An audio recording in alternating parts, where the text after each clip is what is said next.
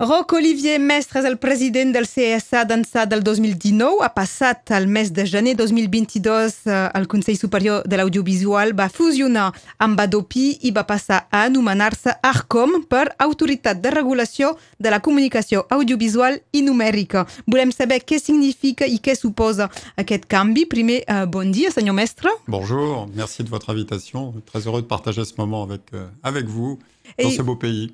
Què significa aquest canvi de CSA Adopi a ARCOM? On est dans un, dans un moment où notre paysage audiovisuel connaît des transformations euh, très profondes.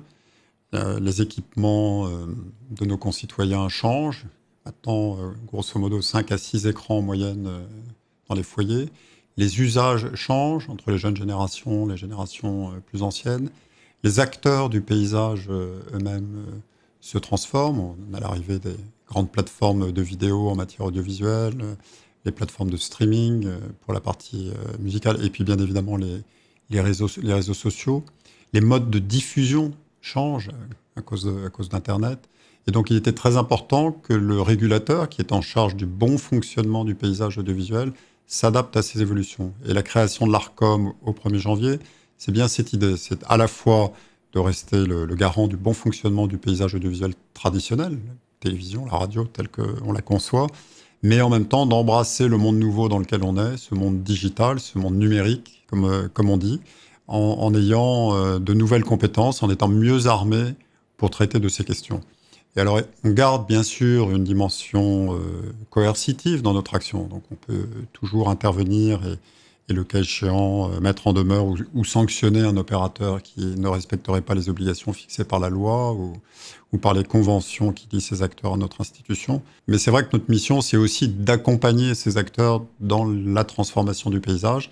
Et typiquement pour la radio, euh, on en a une belle illustration euh, depuis déjà maintenant quelques temps avec le déploiement de la radio numérique. C'est un gros enjeu pour le secteur de, la radio sur lequel nous avons mis, nous avons mis un coup d'accélérateur parce que c'est aussi un mode de diffusion qui peut ouvrir une nouvelle frontière pour ce, pour ce média. Donc euh, voilà, euh, c'est un régulateur qui épouse son temps, si je puis dire, qui épouse son, son époque pour être mieux, mieux en prise avec les réalités du monde euh, des médias et de la communication numérique actuelle. Um, en parlarem eh, de, del futur de, la ràdio, Mm, però abans, quin és l'objectiu de la vostra visita a Perpinyà? La particularité de notre institution, depuis l'origine d'ailleurs, c'est d'avoir une présence dans toutes les régions de France. Donc on est, présent dans, dans 16 implantations en, métropole et, outre-mer. Euh, et donc euh, en région Occitanie, il y a un ARCOM Toulouse, puisqu'on est basé à Toulouse, avec un, collège, avec euh, un, secrétaire général qui est le correspondant de tous les médias locaux de proximité, notamment les radios, puisque on a la chance en France d'avoir un réseau d'une densité euh, extraordinaire, plus de 1000 radios euh, en métropole et, outre-mer, d'une très grande diversité. Et donc, notre présence en région, c'est d'être le plus près, au contact, d'instruire les demandes des médias de proximité, en liaison bien évidemment avec les, services parisiens cen- centraux. Et donc, le but de ma visite, c'est à la fois de voir les équipes euh, en région et en même temps de profiter de ma visite pour rencontrer euh, des opérateurs locaux. Et je suis particulièrement heureux d'être euh, dans votre maison parce que j'en avais beaucoup entendu parler. Et vous portez un projet original, singulier. et je trouve l'une des forces de la radio, justement, c'est cette richesse, cette diversité. Donc, je souhaitais, très heureux de pouvoir, pouvoir venir. Et puis, je voulais profiter de mon passage à Perpignan pour aller voir le Visa, le, le grand festival de- du photojournalisme.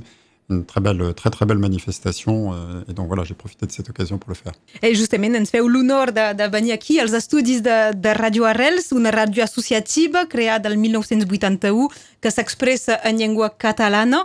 Eh, les llengües regionals tenen tot el seu paper, tot el seu rol en els mèdies.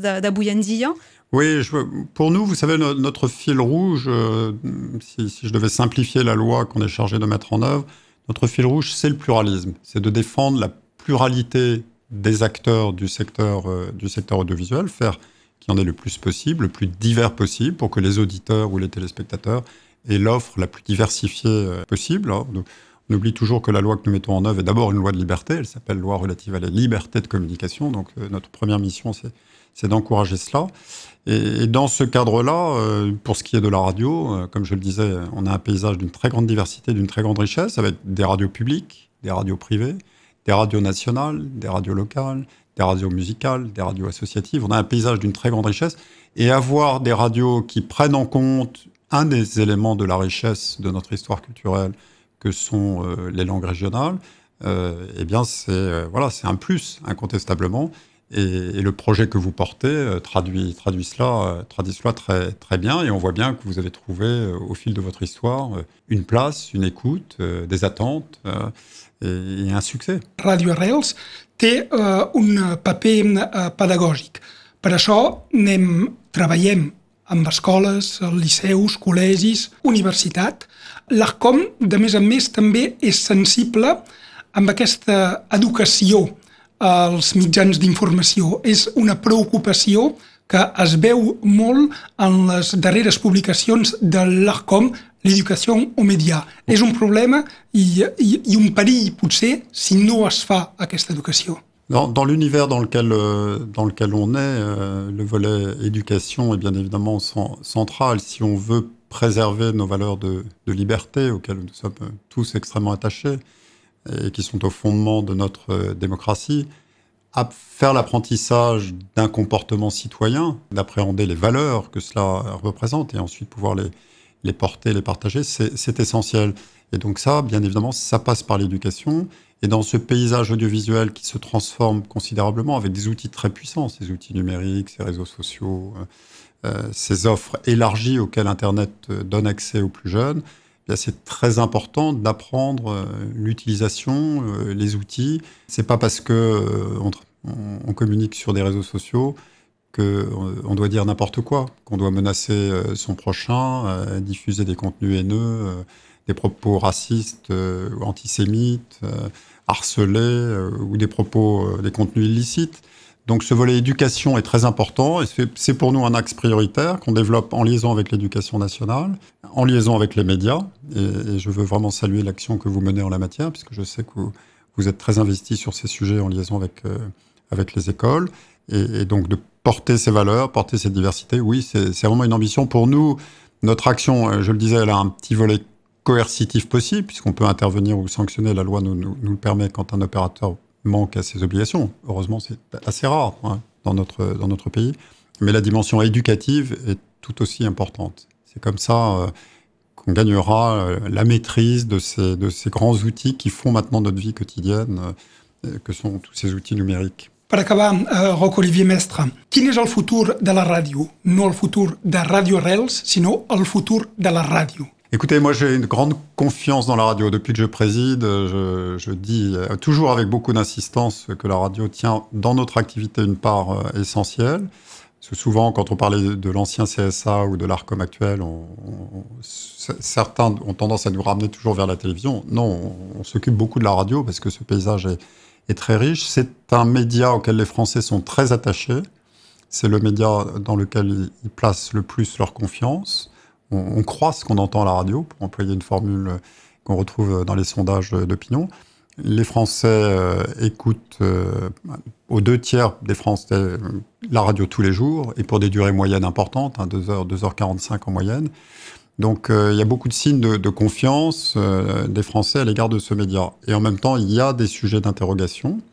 Pour les radios privées qui fonctionnent sur la ressource publicitaire, il y a des menaces sur cette ressource à cause des grands acteurs de l'Internet qui captent une part croissante de cette ressource. Il y a l'arrivée de ces grandes plateformes de streaming qui interpellent les radios musicales, typiquement, dont, dont le modèle est, est aujourd'hui interrogé. Il y a le déploiement du DAB+, qui est une belle perspective, mais qui en même temps peut générer des coûts, et je pense euh, là aux radios, euh, aux radios associatives. Donc il faut être attentif au modèle économique euh, de la radio. Je pense qu'il y a vraiment beaucoup d'éléments de confiance. C'est un média de masse qui touche beaucoup, beaucoup de gens et auquel les Français sont très attachés. Moi, j'ai souvent tendance à, dire que la radio est le média du cœur parce qu'on a un lien euh, quasi sentimental avec les voix avec lesquelles on, on, se lève, on se déplace, euh, parfois on s'endort.